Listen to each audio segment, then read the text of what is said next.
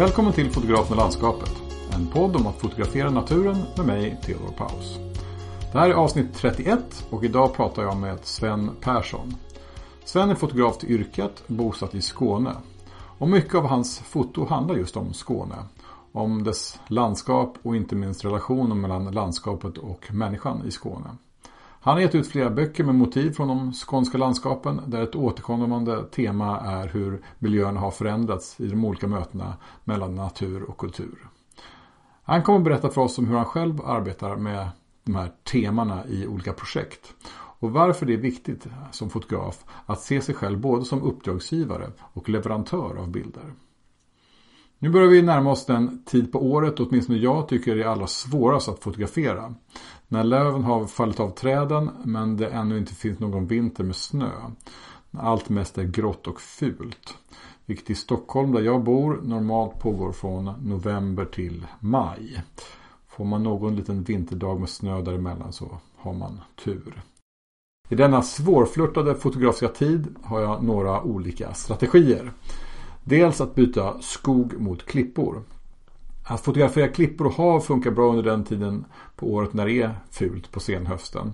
Faktiskt nästan bättre än andra tider på året eftersom det ofta är blåsigare och mer vågor då.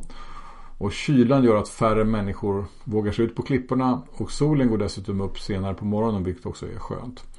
Och det finns ju också en del klippor i Stockholmstrakten. Min andra strategi är att resa bort. Förra året var jag i Skottland vid den här tiden på året men så blir det inte i år. Däremot ska jag om ett par veckor åka till Tjurpannan på västkusten och där blir det både resa bort och klippor. En eh, tredje strategi är faktiskt att omfamna det fula. Att ta bilder på vått ris och smutsig snö.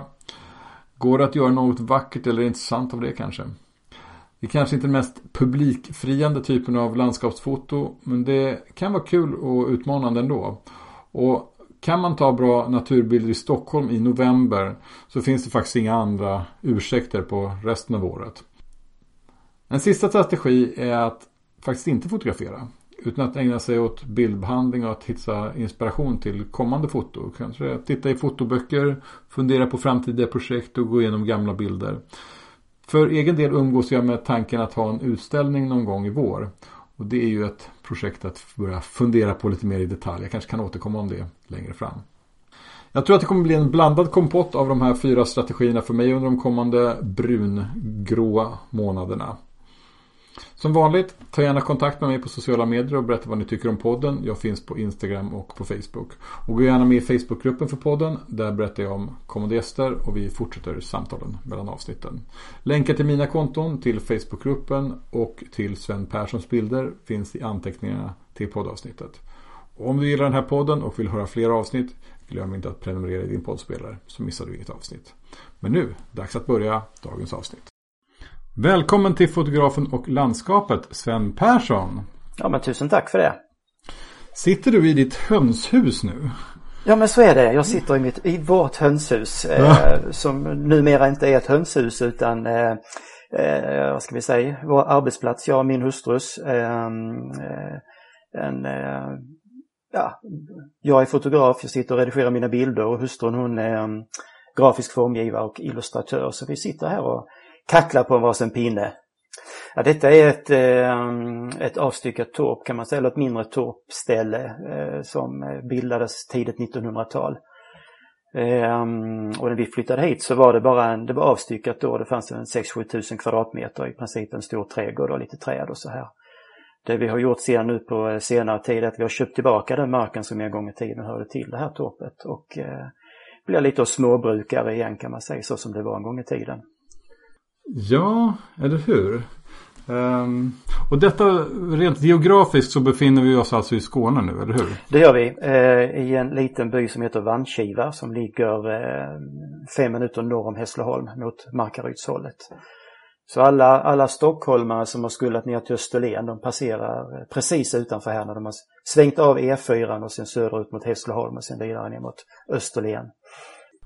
Men jag har ju lite känningar själv från, från, från, från Skåne. Min, min eh, mamma bor uh, söder om den här vägen 101 som delar Sverige i två likvärdiga delar har jag förstått. Just det. Som det alltså går precis längs kusten. Söder om landslängden och norr om landsvägen. Ja, ja, precis. Det, det är liksom den lilla, lilla kuststrimman där. Den, den, den är som mer värd än resten av, av landet enligt de som bor söder om den då. Ja, just det. Ja, precis. ja. Mm.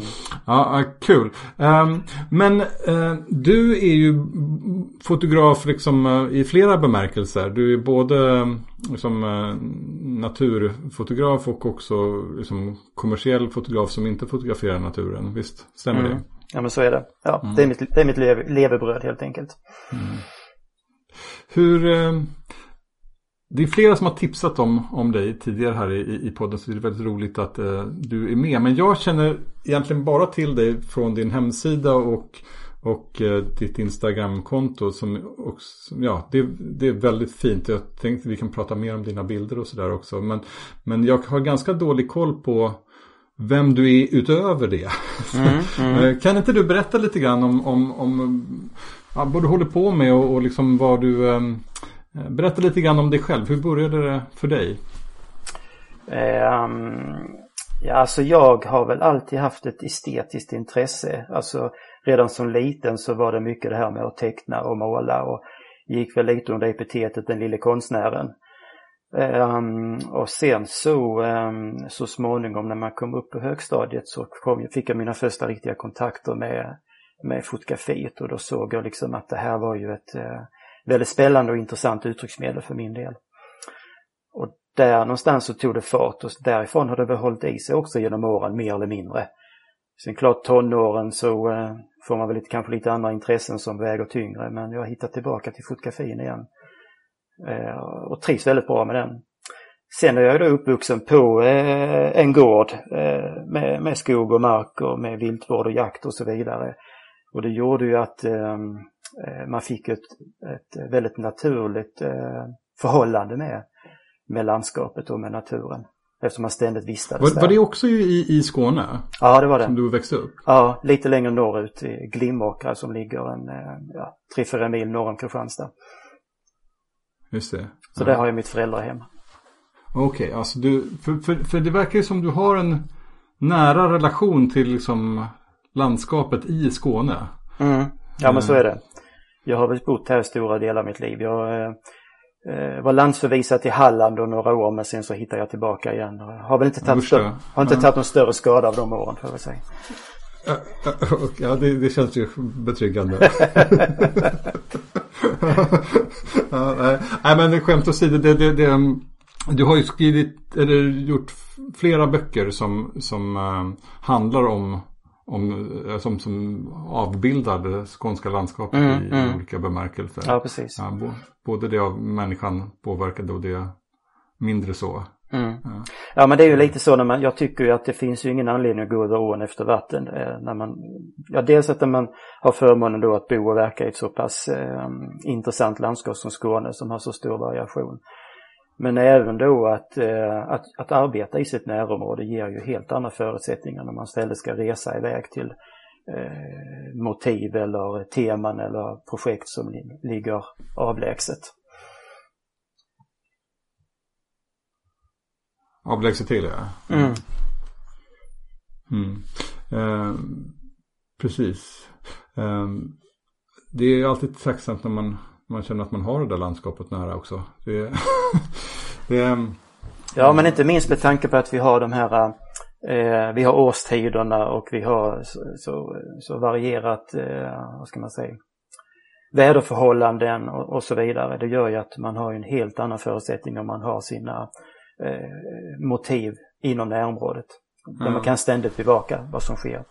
eh, jag ska faktiskt ner till dina trakter här redan nästa vecka. Eh, jag ska vara med på en workshop i, i Söderåsen Mm. eh, med Fredrik Bo och Peter Nilsson.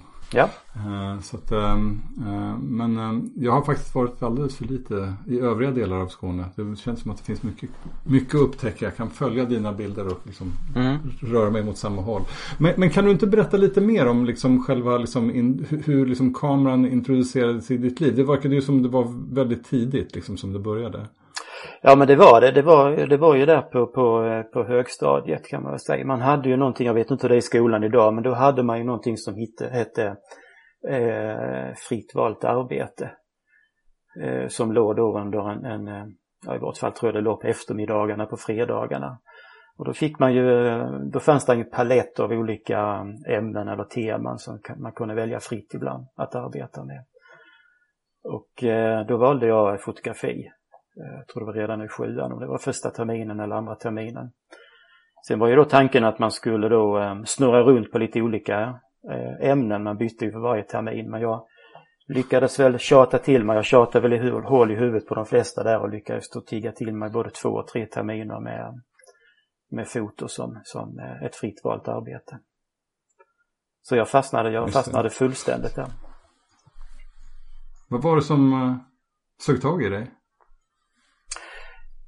Ja men jag tror nog det var, ja dels så var det ju så superhäftigt att, att eh, ja, men gå ut med kameran, ladda med film, eh, ut och eh, använda då kameran som sitt uttrycksmedel och sen då krypa in i mörkrummet och, och släcka lamporna där och ha bara det röda ljuset och börja att, eh, att eh, framställa bilderna, det man hade mm. fotograferat.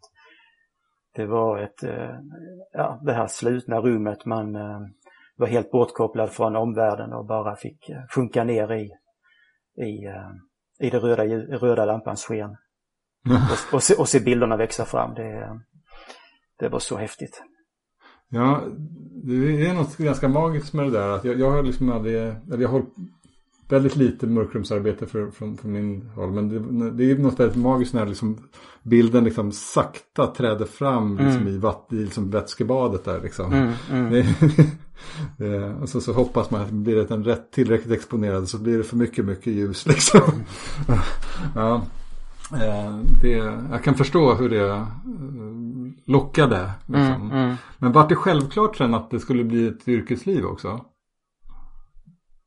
Nej, det var det ju inte. Ehm, jag hade väl önskemål om att eh, jag skulle, jag skulle hade man fått som man hade velat där så hade jag väl kanske satsat på en, en konstnärlig bana men det, det fanns ju liksom inte på agendan eh, på den tiden.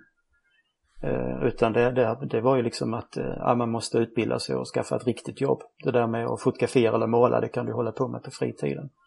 Okay. Så det där tog ju ganska många år. Det tog ju i alla fall kanske en, en 20 år innan, eh, innan jag gjorde lite mer allvar av det så att säga. Ja, just det. Och, och, och då, då blev det den, den kommersiella sidan då? Eller liksom, hur, hur, hur växte det fram den, den som sitsen som du har idag? Var det, ja men det började med att jag eh, jag fotograferade väldigt mycket människor. Jag tror det började faktiskt med att när, när barnen var små där att man eh, fotograferade dem ganska mycket. Um, och jag, blev väldigt, jag var väldigt fascinerad av att jobba i, uh, i studio och uh, att sätta ljus, fotografera människor, modellera uh, ljussättning av människor men även produkter. Um, så jag fuskade okay. nog ganska mycket med det under ett ganska lång period där. Och då kände jag liksom att här fanns ju faktiskt, eh, här skulle faktiskt finnas en, eh, en möjlighet då att, att eh, slå sig in yrkesmässigt, att kunna jobba med den, att fotografera ja. som ett levebröd. Så då, då, då körde jag igång på det, på, dels på fritiden men sen så, så småningom så växte det att jag tog det som ett halvtidsjobb. Och, och så småningom då för en, en 15 år sedan ungefär då, då, då, då kastade, jag, kastade jag mig ut eh, fritt fall och eh, tänkte det här, det får bära eller brista. Eh, och satsade heltid på att jobba som fotograf. Var det ett äh, läskigt beslut? Um, ja men det var det väl kanske till viss del men jag tänkte att ja men det, alltså man måste ju våga för att vinna. Eh, ja. Så det var väl liksom bara att satsa där på något sätt tyckte jag. Liksom. Det, det, det reder sig väl alltid. Funkar inte det här så går det väl alltid att hitta något annat jobb liksom om man inte är, eh, alltså om man inte är för fin i kanten utan är beredd att hugga i så finns det väl alltid jobb. Inom någonting annat. Så, så jag tänkte det här, det här kör vi på.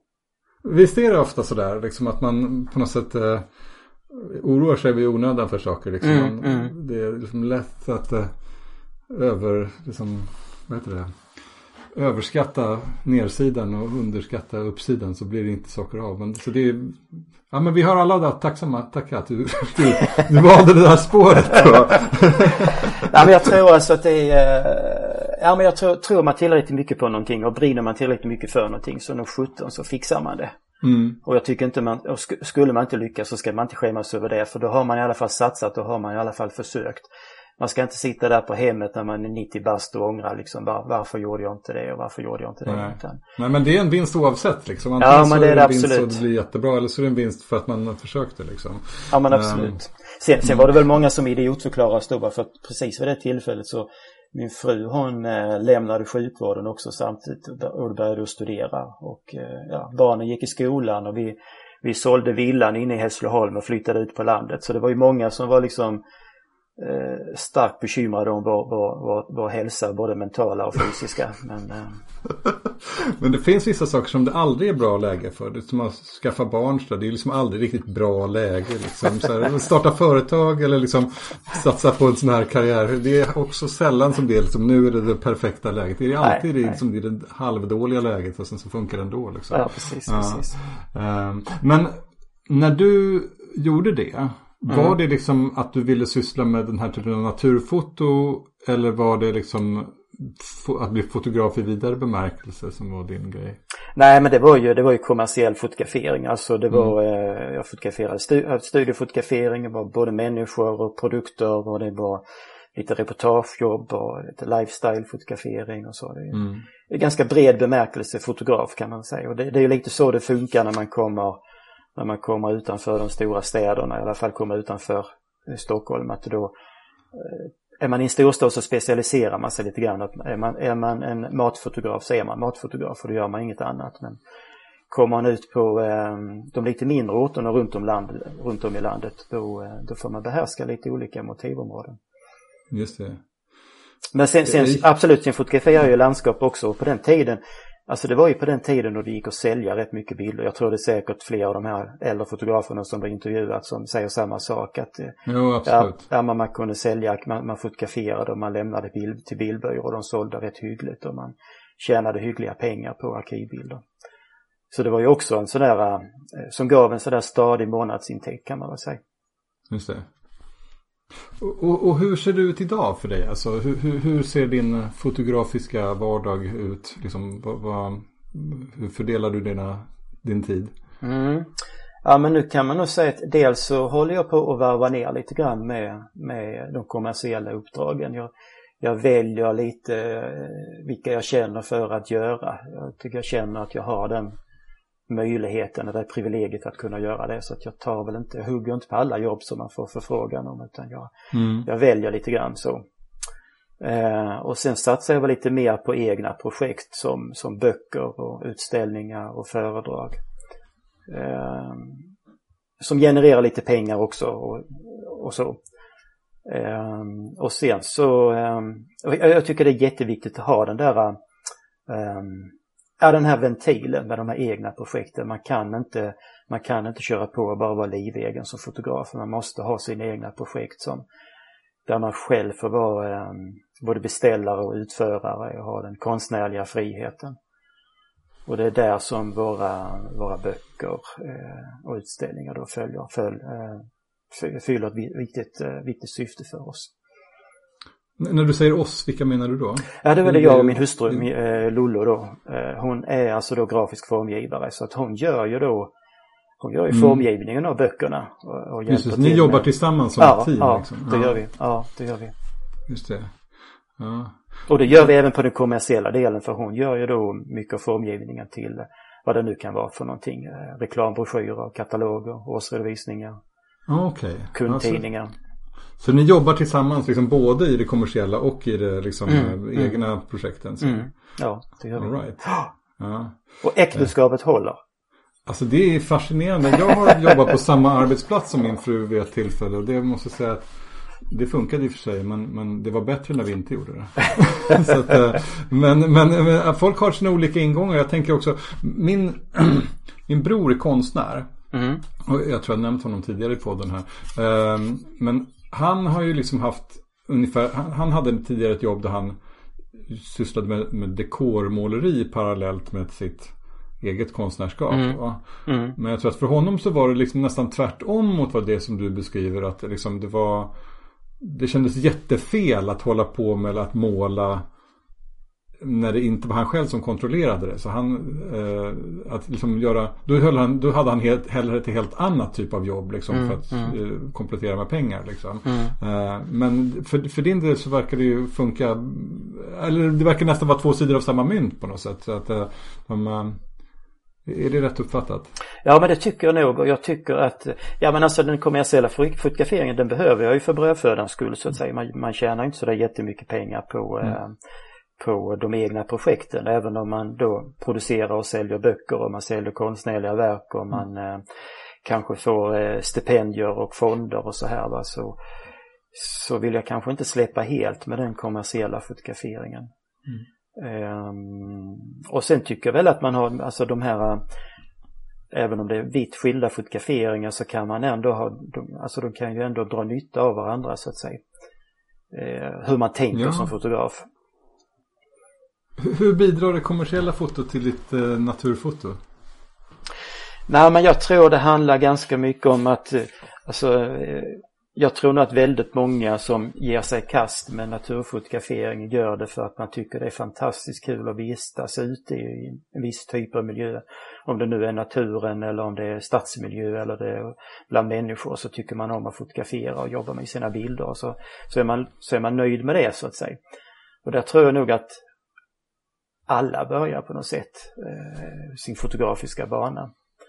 Men sen tror jag nog att ska det där utvecklas vidare och, och bära hän någonstans, ja om man vill att det ska bära hän någonstans, eh, så tror jag nog att det är viktigt att man måste man måste tänka lite mer eh, i projektform, att man, eh, att man tänker i vilket sammanhang ska bilderna användas, hur kan bilder hänga ihop, hur kan bilder berätta?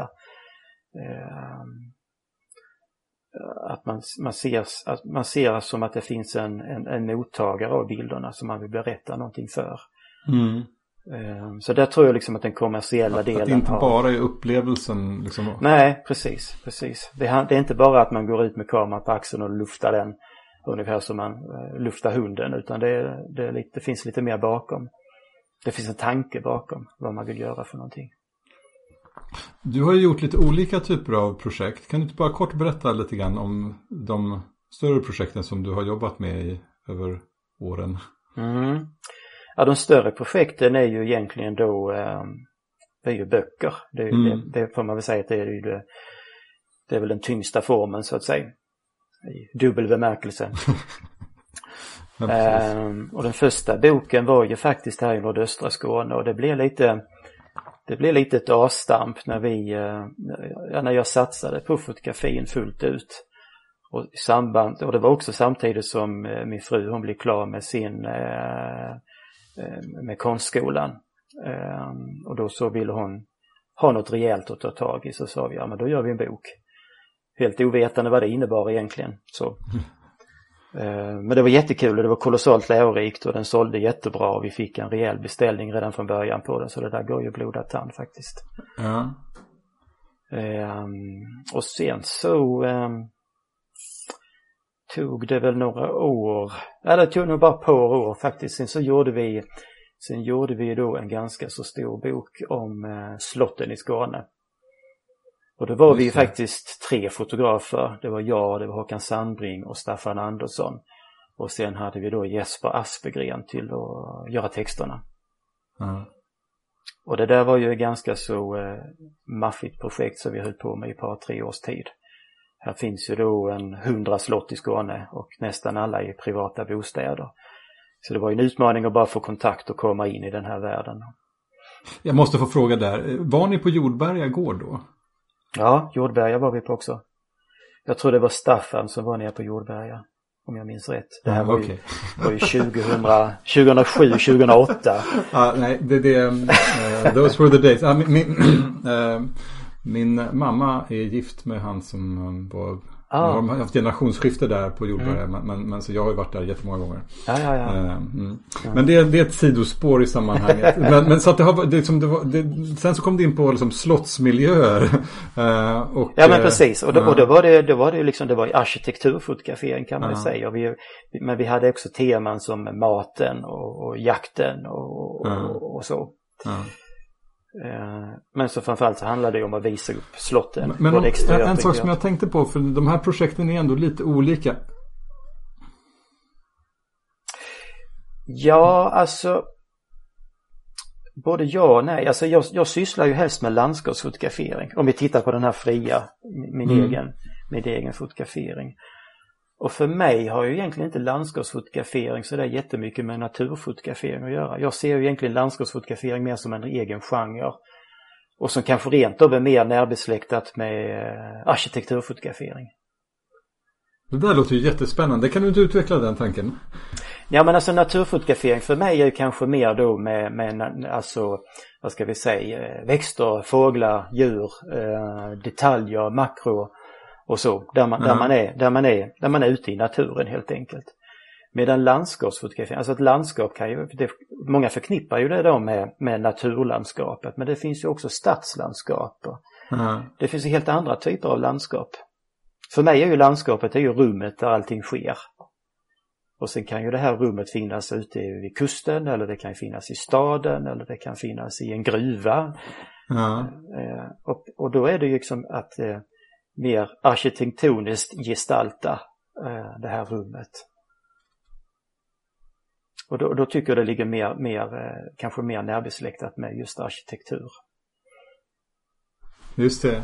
Um, men, och det har du ju varit inne på en del, men det verkar ändå som det på något finns någon slags dragning till naturmiljöerna ändå. Som, som ja men det gör det. det gör ja. Jag fotograferar ju helst landskaps, eh, alltså mina landskapsbilder tar jag ju helst ute i i, eh, i natur och kultur, kulturlandskapet kan man väl säga. Vi har ju inte så mycket, alltså det finns ju egentligen ingen orörd natur alls i Skåne överhuvudtaget eh, utan det är ju mer, eh, det har ju stått under mänsklig påverkan på ett eller annat sätt alltid.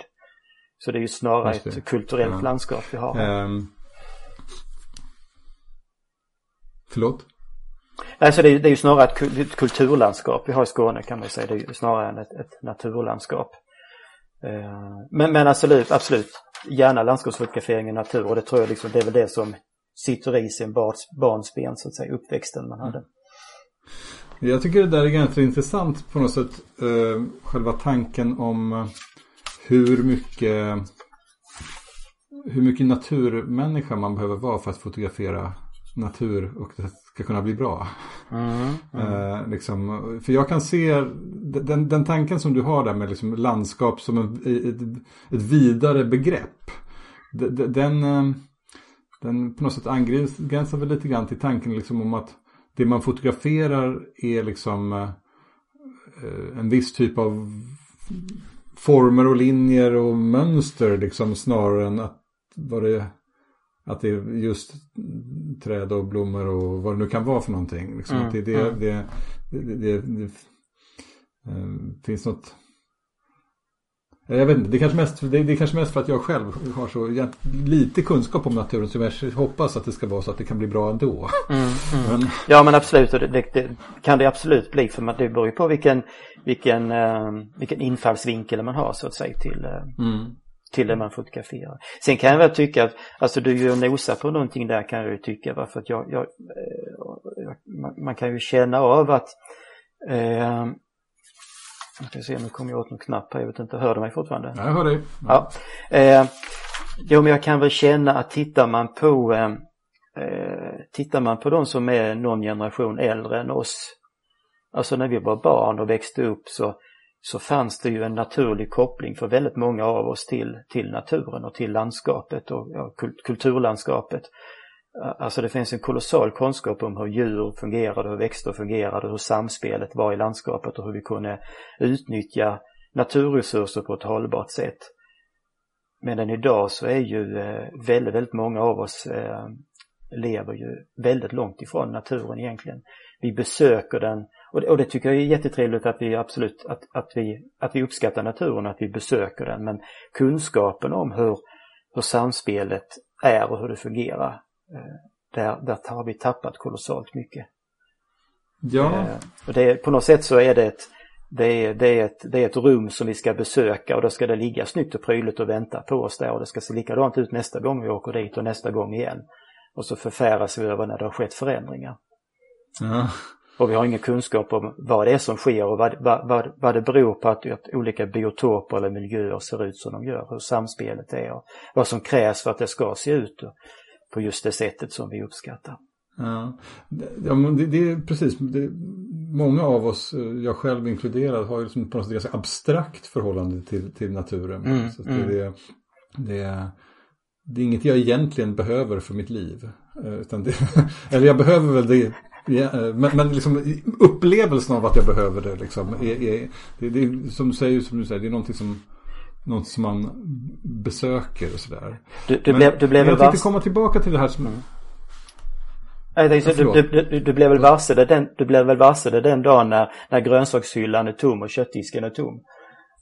Ja, men den har vi inte kommit till än. Nej. Så att jag har inte liksom känt av.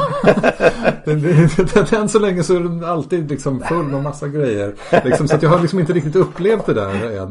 Men, men en, någon dag så kanske den kommer. Liksom. Ja. Men, men jag tänkte det som Eh, de här projekten som ändå är ganska olika som du har jobbat med. Mm, kan du mm. se några gemensamma nämnare? Liksom? Va, va, du, du sa tidigare att eh, det blir viktigt liksom att man har någonting att berätta, att man har en, mm, en, en mm. idé sådär. Ja, precis. Vad har varit din idé? Finns det någon gemensam nämnare? Ja men det är alltså det bärande är ju Skåne, olika infallsvinklar. Det började med nordöstra Skåne och sen kom då de skånska slotten och, och sen kom ju egentligen ett ganska intressant ämne där jag tittade just på landskapsförändringar, Skånes ja. landskap i förändring. Alltså som byggde då på Eh, bilder från 50-talet. Det fanns en professor Henning Weimark då som for runt tillsammans med sin son och tog en 4-5 tusen bilder i alla Skånes, alla hörn i Skåne. Eh, och det blev som ett tidsdokument då från tidigt 50-tal innan den stora industrialiseringen körde igång eh, i Skåne. Och sen så gick jag i hans fotspår då 60 år senare och fotograferade samma utsnitt, samma vinklar från samma plats och visade då på förändringar i det skånska landskapet. Just det. Du, du, du, det, här, det här projektet känner inte jag till men du tog liksom om ja, samma ja, bilder? Ja, det gjorde jag. Och det, detta, är ju ett, detta var ju en, en fotodokumentation. Jag tror inte det finns något jämförbart i Sverige faktiskt. Eh, där man så minutiöst dokumenterade hur landskapet ser ut. Mm. Och sparade här. Eh, och det finns så välbehållet också. Man valde att fotografera på svartvit film istället för färgen hade kommit men man såg inte den hållbarheten i det. Man jobbade med mellanformat för man ville ha hög kvalitet på, eh, på, eh, på bilderna. Och sen så arkiverades eh, hela det här materialet. Och så, och så, och. Ja, så ritade man dessutom in på dåtidens topografiska kartor exakt var man hade stå, stått någonstans och tagit bilderna. Och det gjorde ju, då kunde jag ju hyggligt väl hitta tillbaka, i de flesta fallen i alla fall. Fanns alla platserna kvar?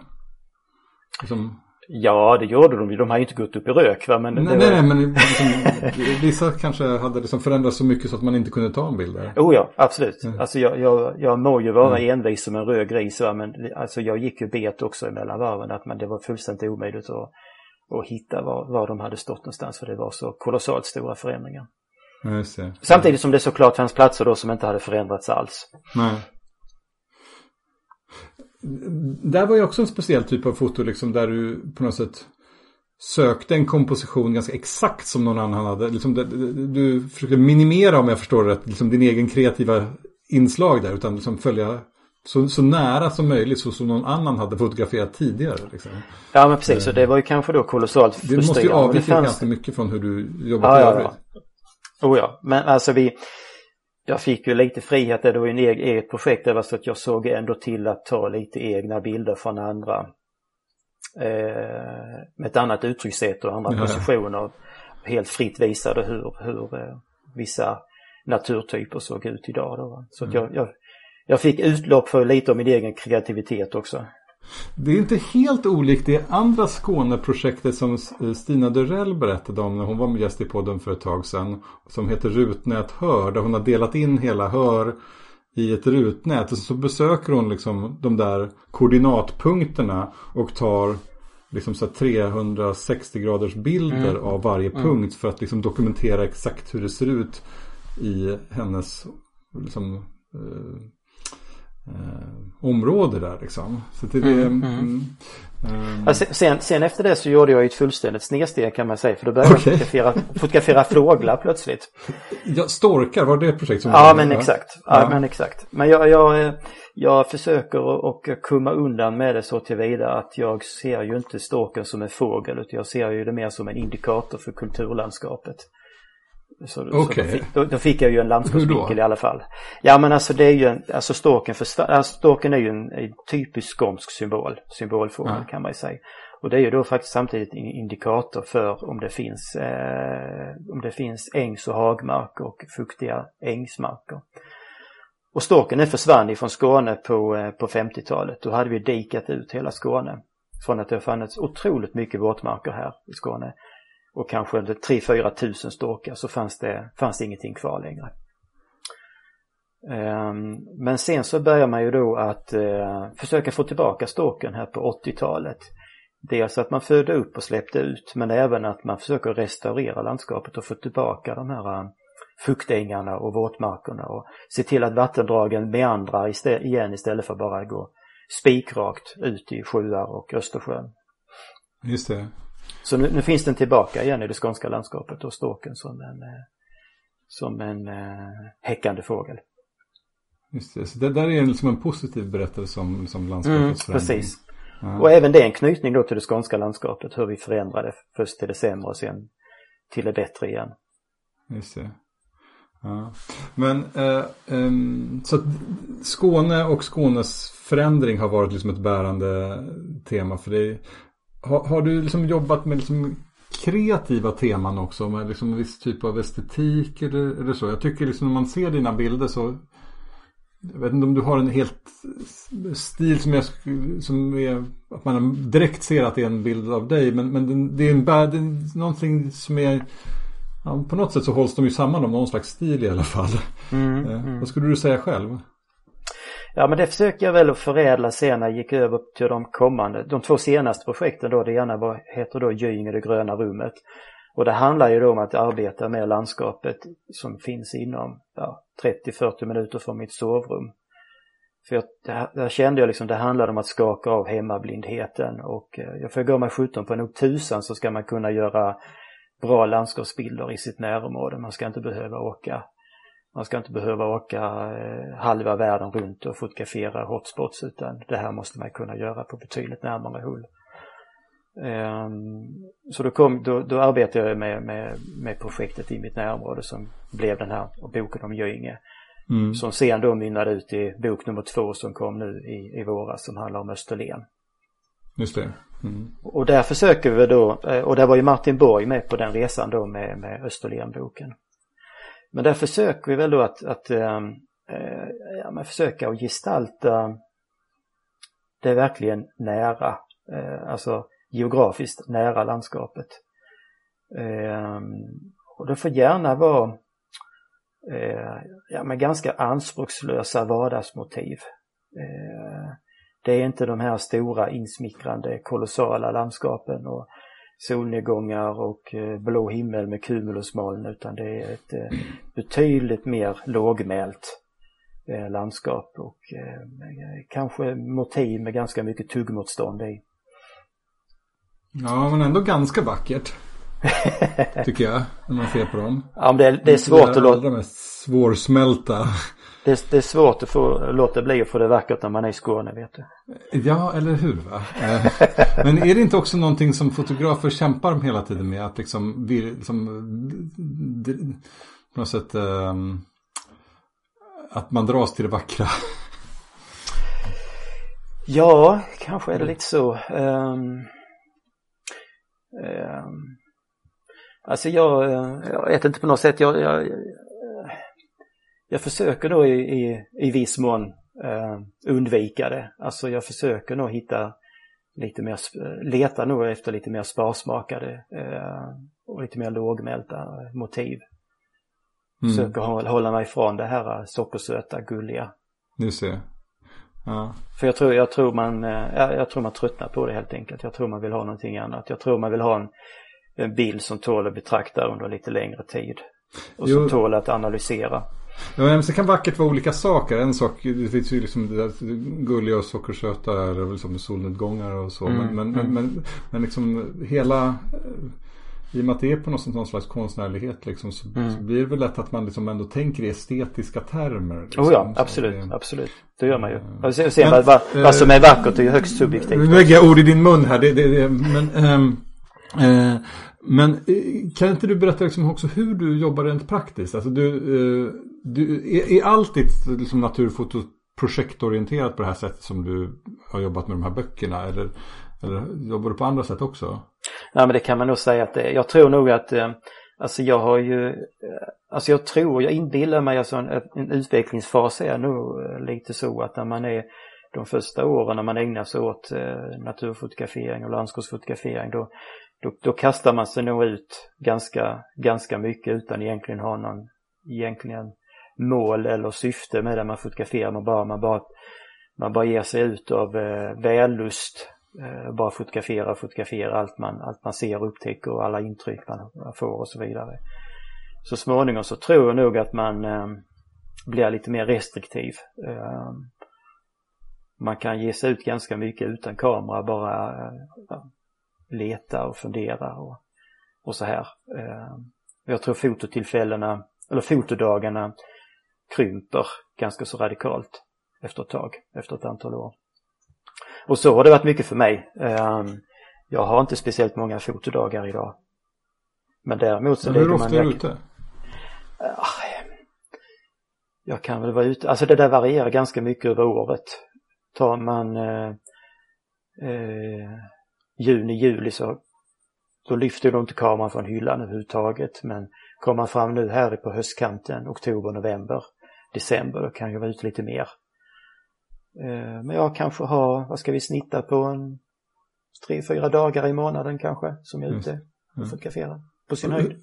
Och hur ser en sån dag ut? Liksom, har den föregåtts av minutiös planering och du vet exakt vad du ska ta eller är det liksom mera planlöst? Ja, men det är... Utforskande? Ja men det är nog ganska mycket planering, alltså man läser in sig på områdena som man vill jobba med eh, geografiskt eller naturtypen. Man studerar kartor, man, ja, man läser in sig helt enkelt.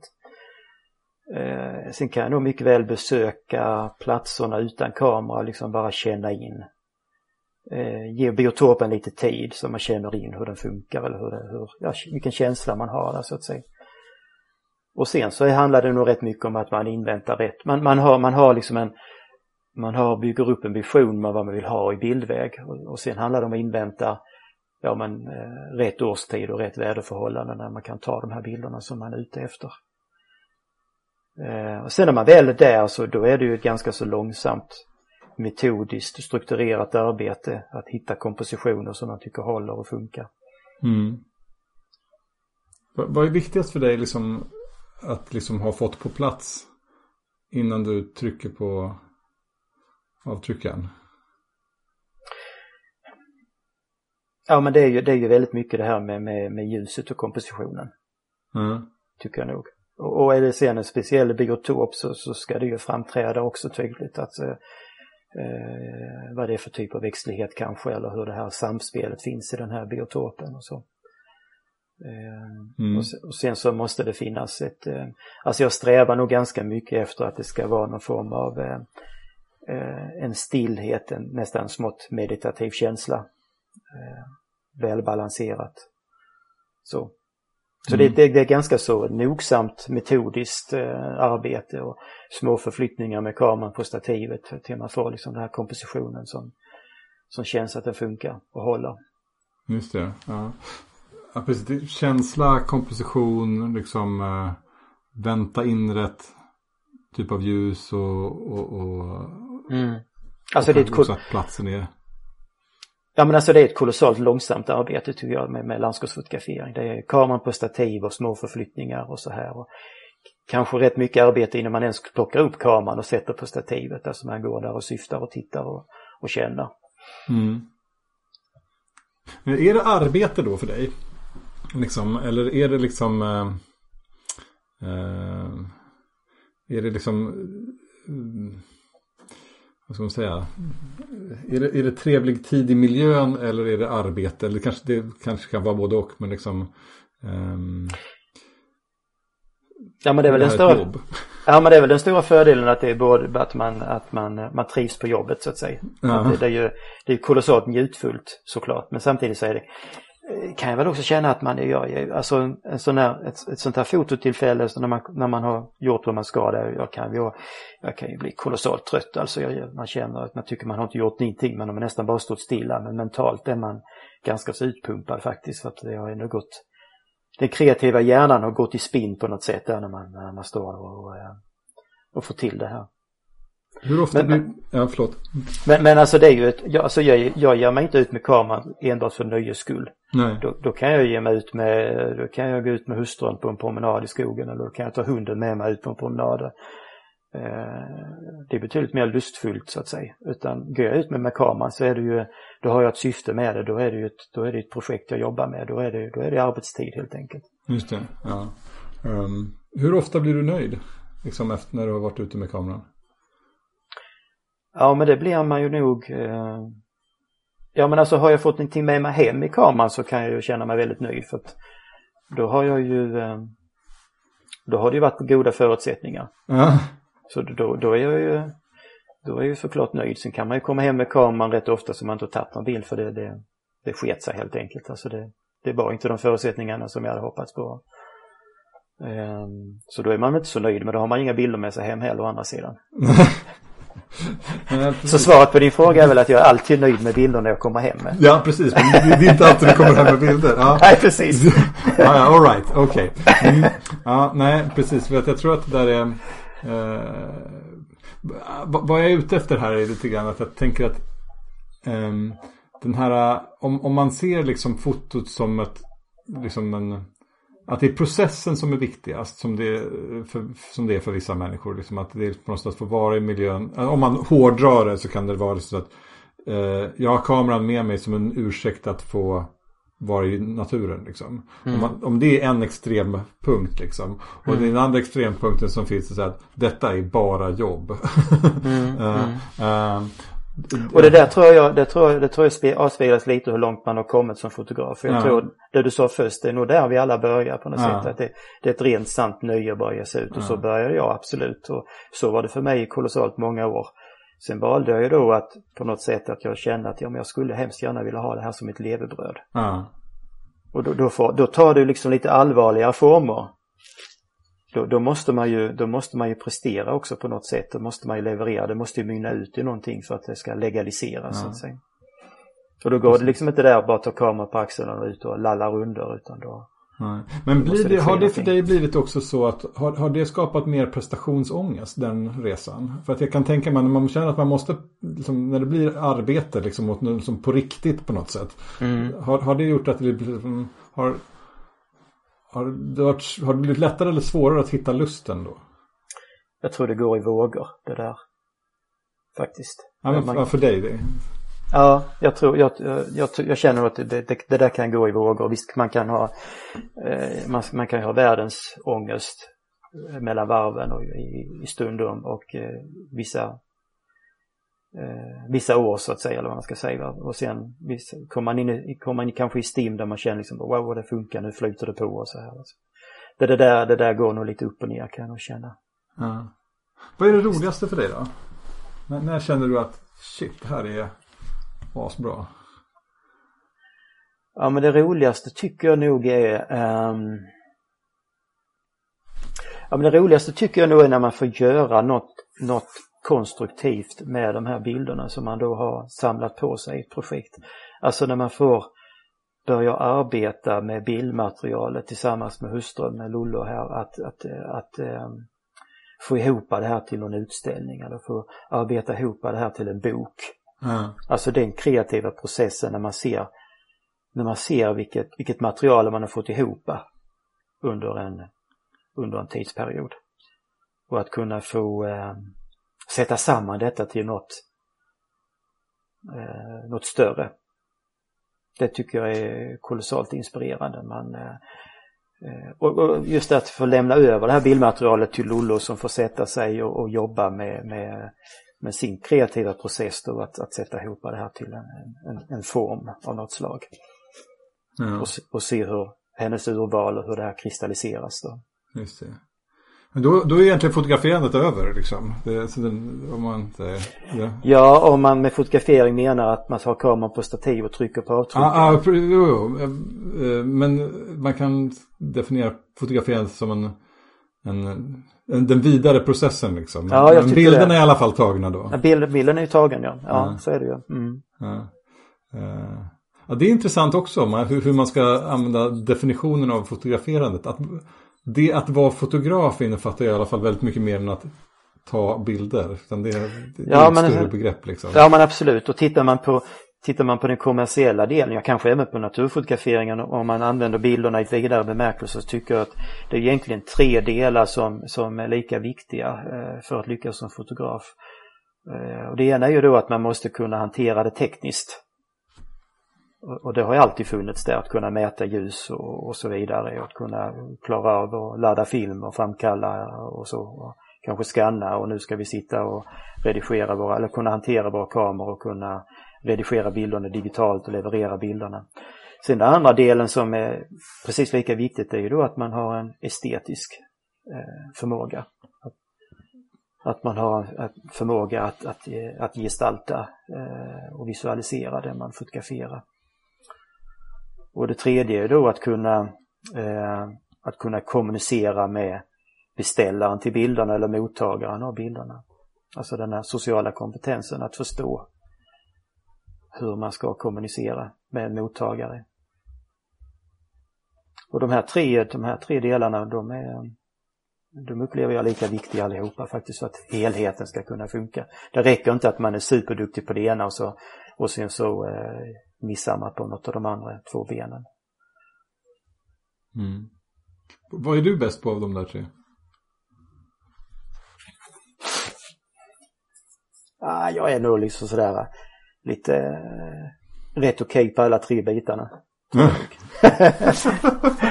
och, då, och då lyckas man hanka sig fram. Ja, ja. Ja. Så, så, så, där brukar jag säga på, på, mitt jobb också. Jag är inte riktigt bra på någonting men det är Nej. ganska bra. ja men exakt. Ja. Det gäller inte att ha en länk som är alltför svag utan kan de där vara hyggligt jämnstarka så. Ja.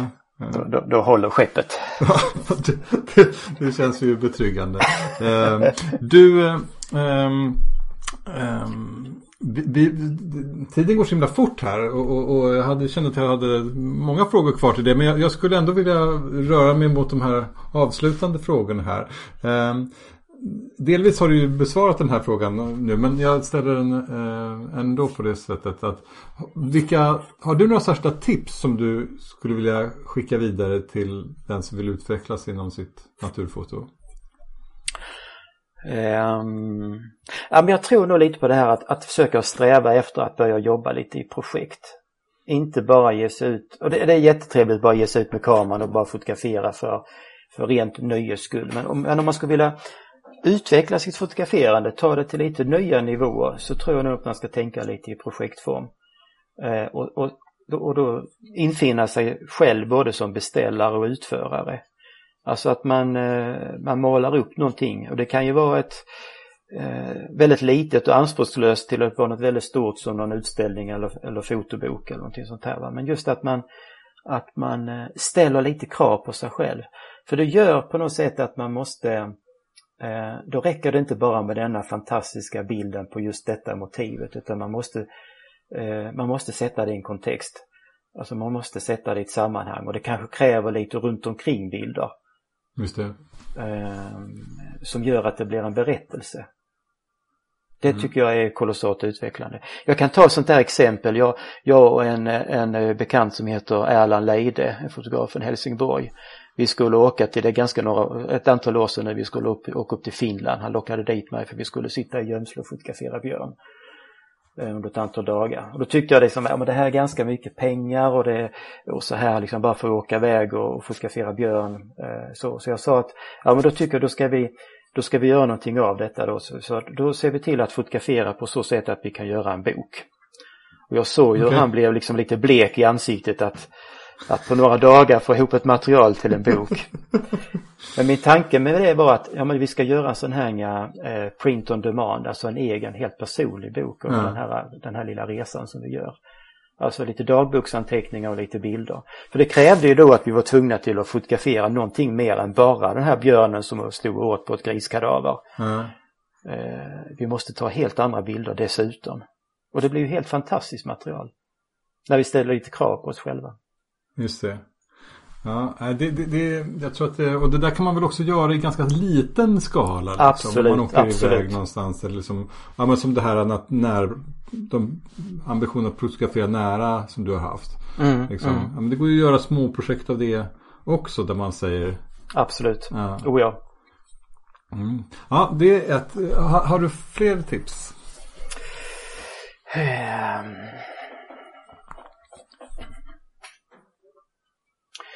Ja, men jag tror att ehm, eh, titta på mycket bild och det behöver inte vara just fotografisk bild utan det kan vara konstnärlig bild också. Titta på hur, andra, hur man arbetar i andra tekniker. Alltså eh, målande konstnärer till exempel. Där tycker jag man kan också se, eh, alltså man kan ha mycket att lära eh, på det. Mm. Just det, ja. Precis, det är ehm, det är, det är flera som har kommit tillbaka till den här. Jag har ställt den här frågan till många just det, att liksom få in så mycket Mm. input som möjligt och gärna från liksom utanför fotovärlden också. Mm, liksom. mm. Ehm, du, ehm, sista fråga. Mm. Eh, Har du några tips på andra fotografer som du tycker skulle passa i den här podden? Det där är ju en, eh, det är ju en livsfarlig fråga egentligen. Så, så vill du ha några stycken namn där och sen så, eh, så känner man ju som, ja men det finns ju hur många som helst och vilka ska man välja och vilka, och så plötsligt så utelämnar man några namn då. Ja, precis. Samtidigt som man väljer några namn. Precis. Eller jag kan ställa om. Vilka, finns det några fotografer som du är vän med som du tror skulle vara olämpliga att vara med i den här podden? Nej, jag skojar bara. Finns det några fotografer som du absolut inte vill ha? Nej, men, ja, precis. Nej, men jag en, en osorterad och ovärderad lista. Ja, nej, men jag har ändå valt, jag har valt ut, jag, för jag har ju, jag lyssnade ju igenom några avsnitt tidigare och jag har ju, och jag har ju sett vilka du har haft innan och där är ju många namn där som jag, som, som jag tyckte så var självklara också som du redan har betat av så va. Men jag tänkte jag, jag har ändå plockat några namn och jag, jag har väl kanske en liten motivering till det också. Ehm, och då skulle jag vilja börja med en som heter eh, Anita Campbell. Okej.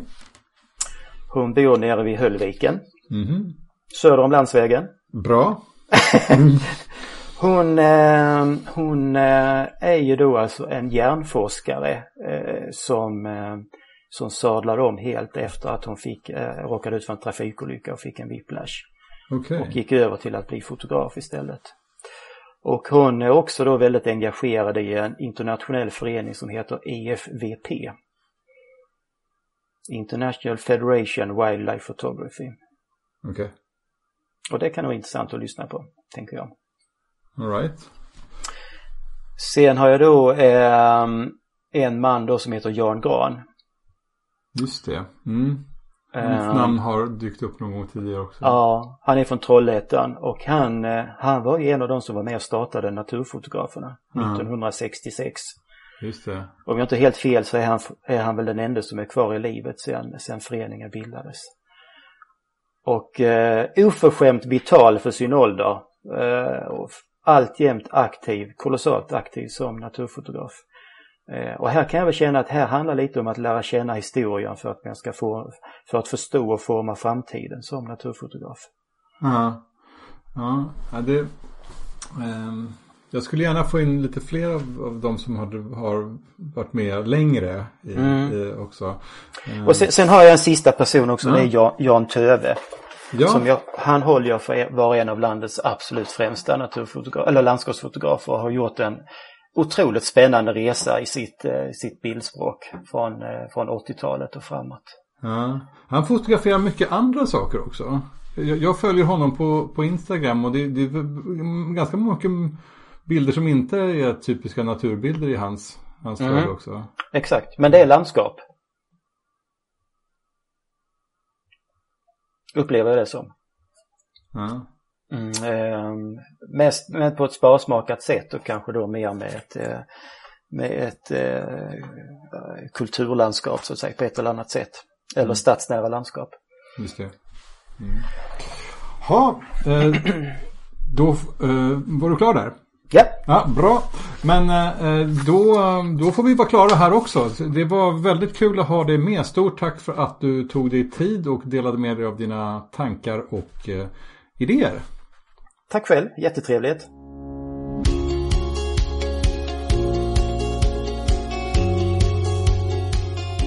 Tack även till dig som lyssnat på detta avsnitt av Fotografen och landskapet.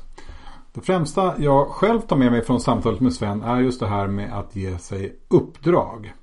Jag tror mycket på idén att mitt foto kan bli bättre om jag jobbar i projekt som Sven är inne på.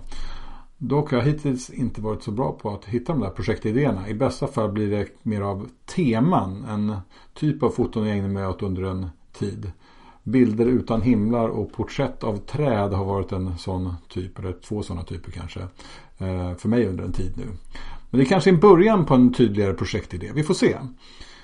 Om du ägnar dig åt foto själv och eh, har sådana här projekt kan du inte berätta lite grann om dem då? Dela gärna med dig av dina idéer eh, i eh, Facebookgruppen. Du kan dela en bild också och berätta om hur ni har tänkt.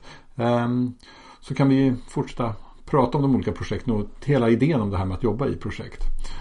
Om du inte är medlem i Facebookgruppen redan så hittar du länken dit i anteckningar till det här poddavsnittet. Där hittar du även länkar till Sven Perssons hemsida och länkar till de fotografer som han tipsade om i slutet av avsnittet.